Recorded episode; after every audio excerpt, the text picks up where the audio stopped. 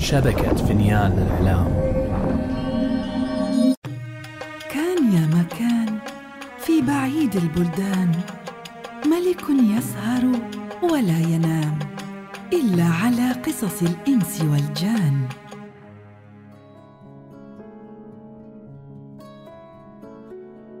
وبلغني أيها الملك السعيد أن الخليفة هارون الرشيد أرق ذات ليلة أرقا شديدا فاستدعى صديقه ومستشاره جعفر. فلما حضر جعفر وقف بين يدي الخليفة هارون الرشيد الذي قال له يا جعفر قد اعتراني في هذه الليلة أرق فمنع عني النوم ولا أعلم ما يزيله عني. يا أمير المؤمنين قد قالت الحكماء إن النظر إلى المرآة ودخول الحمام واستعمال الغناء يزيل الهم والفكر. إني قد فعلت هذا كله فلم يزل عني شيء. وأنا أقسم بآبائي الطاهرين إن لم تتسبب فيما يزيله عني لأضربن عنقك. يا أمير المؤمنين هل تفعل ما أشير به عليك؟ مم. وما الذي تشير به علي؟ أرى أن تنزل بنا في زورق وننحدر به في نهر الدجلة مع الماء إلى محل يسمى قرن الصراط. لعلنا نسمع أو ننظر ما لم ننظر فإنه قد قيل إن تفريج الهم بواحد من ثلاثة أمور. إما أن يرى الإنسان ما لم يكن رآه من قبل أو يسمع ما لم يكن سمعه أو يطأ ارضا ما لم يكن وطئها. فلعل ذلك يكون سببا في زوال القلق عنك يا أمير المؤمنين.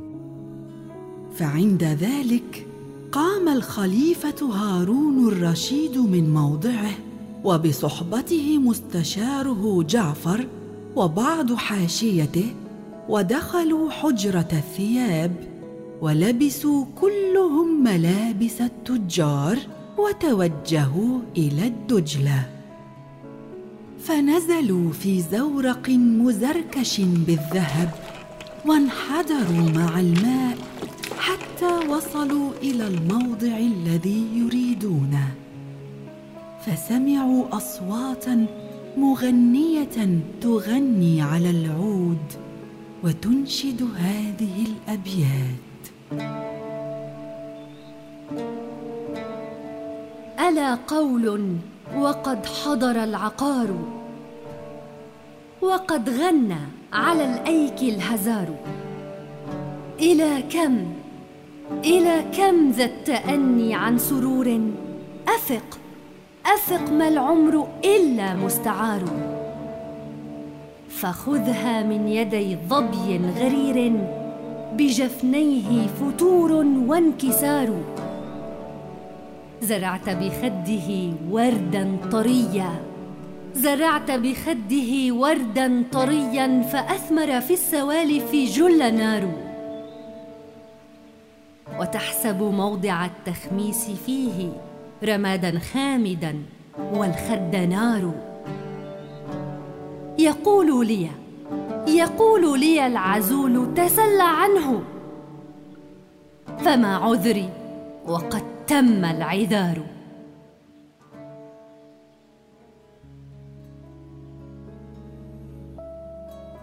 فلما سمع الخليفة هذا الصوت طرب وانشرح صدره. ما أحسن هذا الصوت يا جعفر؟ يا مولانا ما طرق سمعي أطيب ولا أحسن من هذا الغناء. ولكن يا سيدي إن السماع من وراء جدار نصف سماع. فكيف بالسماع من خلف ستر؟ انهض بنا يا جعفر حتى نتطفل على صاحب هذه الدار.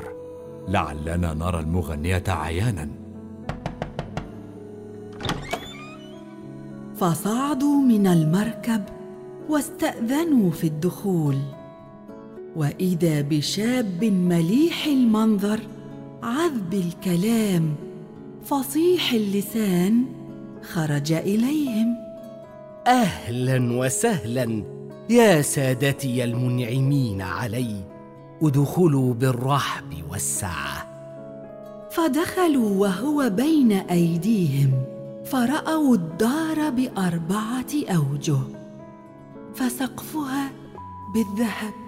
وحيطانها منقوشة باللازورد وفيها إيوان به سدبة جميلة وعليها مئة خادمة كأنهن أقمار.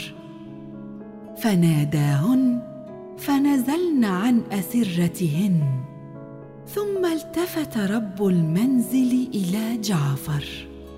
يا سيدي أنا ما أعرف منكم الجليل من الأجل. بسم الله. ليتفضل منكم من هو أعلى في الصدر وليجلس إخوانه كل واحد في مرتبته. فجلس كل واحد في منزلته وقام مسرور خادم الخليفة وبوابه في الخدمة بين أيديهم. عن إذنكم. هل هل أحضر لكم شيئا من المأكول؟ فوافقوا. وأمر رب المنزل الخادمات بإحضار الطعام. فأقبل أربع خادمات بين أيديهن مائدة وعليها من غرائب الألوان مما درج وطار وسبح في البحار من قط وسماني. وافراخ وحمام ومكتوب على حواشي السفرة من الأشعار ما يناسب المجلس. فأكلوا على قدر كفايتهم ثم غسلوا أيديهم. يا سادتي إن كان لكم حاجة فأخبرونا بها حتى حتى نتشرف بقضائها. نعم. فإننا ما جئنا منزلك إلا لأجل صوت سمعناه من وراء حائط دارك. فاشتهينا أن نسمعه ونعرف صاحبته. فإن رأيت أن تنعم علينا بذلك كان من مكارم أخلاقك. ثم نعود من حيث جئنا. فالتفت رب المنزل بابتسامة إلى خادمة وأمرها أن تأتي بالمغنية نردين. فذهبت الخادمة ثم جاءت ومعها كرسي فوضعته. ثم ذهبت مرة ثانية وجاءت ومعها المغنية نردين. كأنها البدر في تمامه.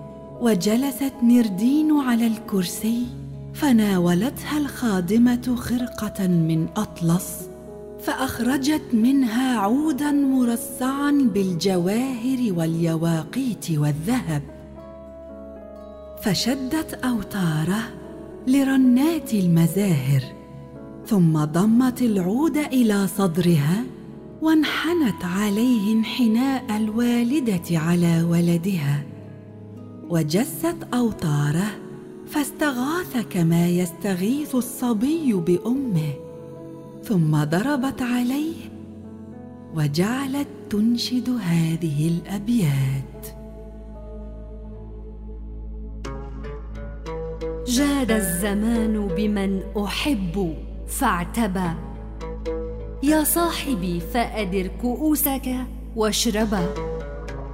من خمرة من خمرة ما مازجت قلب امرئ إلا وأصبح بالمسرة مطربا. قام النسيم بحملها في كأسها. قام النسيم بحملها في كأسها. أرأيت بدر التم يحمل كوكبا؟ كم ليلة سامرت فيها بدرها؟ من فوق دجله قد أضاء الغيهبه والبدر يجنح للغروب كأنما قد مد فوق الماء سيفا مذهبا. والبدر يجنح للغروب كأنما قد مد فوق الماء سيفا مذهبا.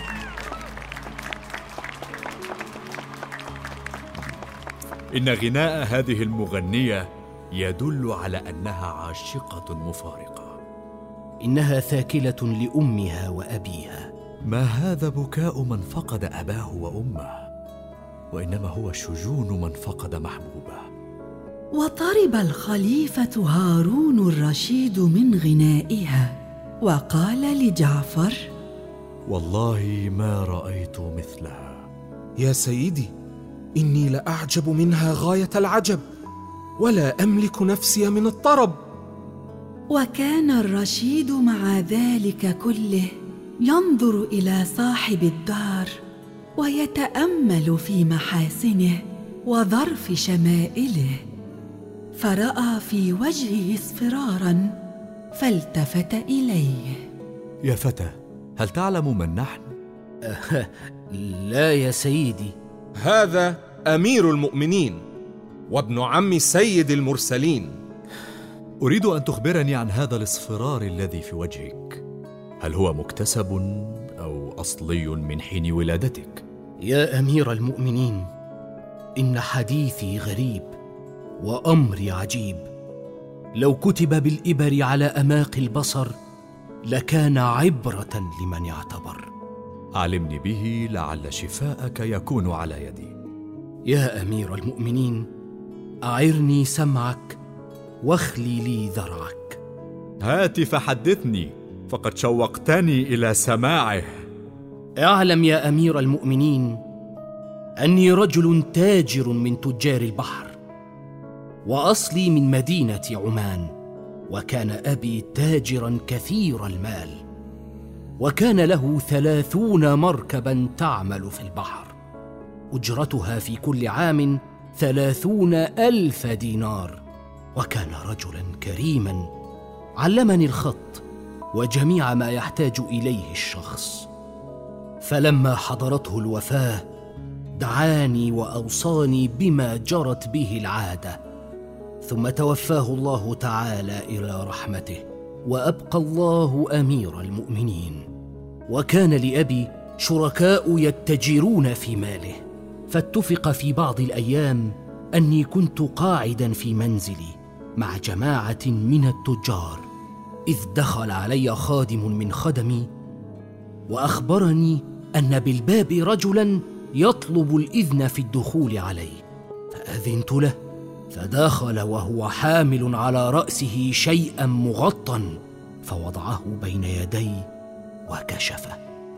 فإذا فيه فواكه بغير أوان وملح وطرائف ليست في بلادنا فشكرته على ذلك وأعطيته مائه دينار.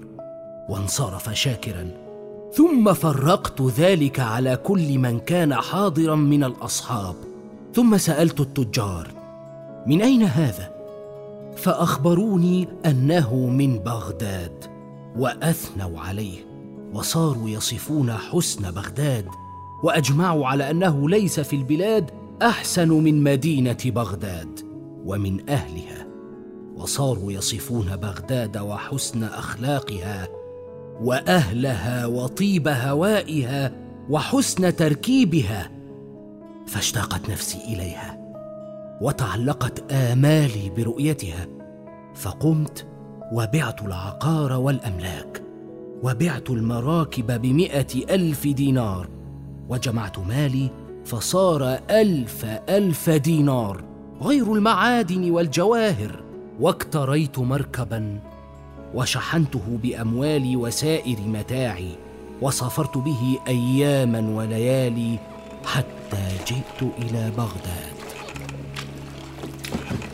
فسألت أين تسكن التجار وأي موضع أطيب للسكن فدلوني على حارة الكرخ وجئت إليها واستأجرت دارا في درب يسمى درب الزعفران ونقلت جميع مالي إلى تلك الدار وأقمت بها مدة ثم توجهت في بعض الأيام إلى الفرجة ومعي شيء من المال وخرجت مع الناس إلى موضع يسمى قرن الصراط فرأيت في ذلك المكان موضعا عاليا جميلا وله روشن مطل على الشاطئ وهناك شباك. فذهبت من جملة الناس إلى ذلك المكان. ورأيت شيخا جالسا وعليه ثياب جميلة وتفح منه رائحة طيبة وقد شرح لحيته فافترقت على صدره فرقتين وحوله أربع خادمات وخمسة فتيان. فسألت شخصا عن اسم هذا الشيخ وصنعته فأخبرني أن اسمه طاهر بن العلاء وهو صاحب أعجب خان في بغداد. فإن في كل غرفة من الغرف من الزخرف والزينة ما يذهل الملوك ومن الأثاث والفرش ما يدهش السلاطين ومن الأواني والفخار ما يذهل العقل ويأسر اللب. ولا ينقص المقيم شيء من أفخر أنواع الطعام وأعذب أنواع الشراب وألذ أنواع الحلويات. فقلت في نفسي إن هذا والله ما كنت أبحث عنه. وأدرك شهرزاد الصباح فسكتت عن الكلام المباح.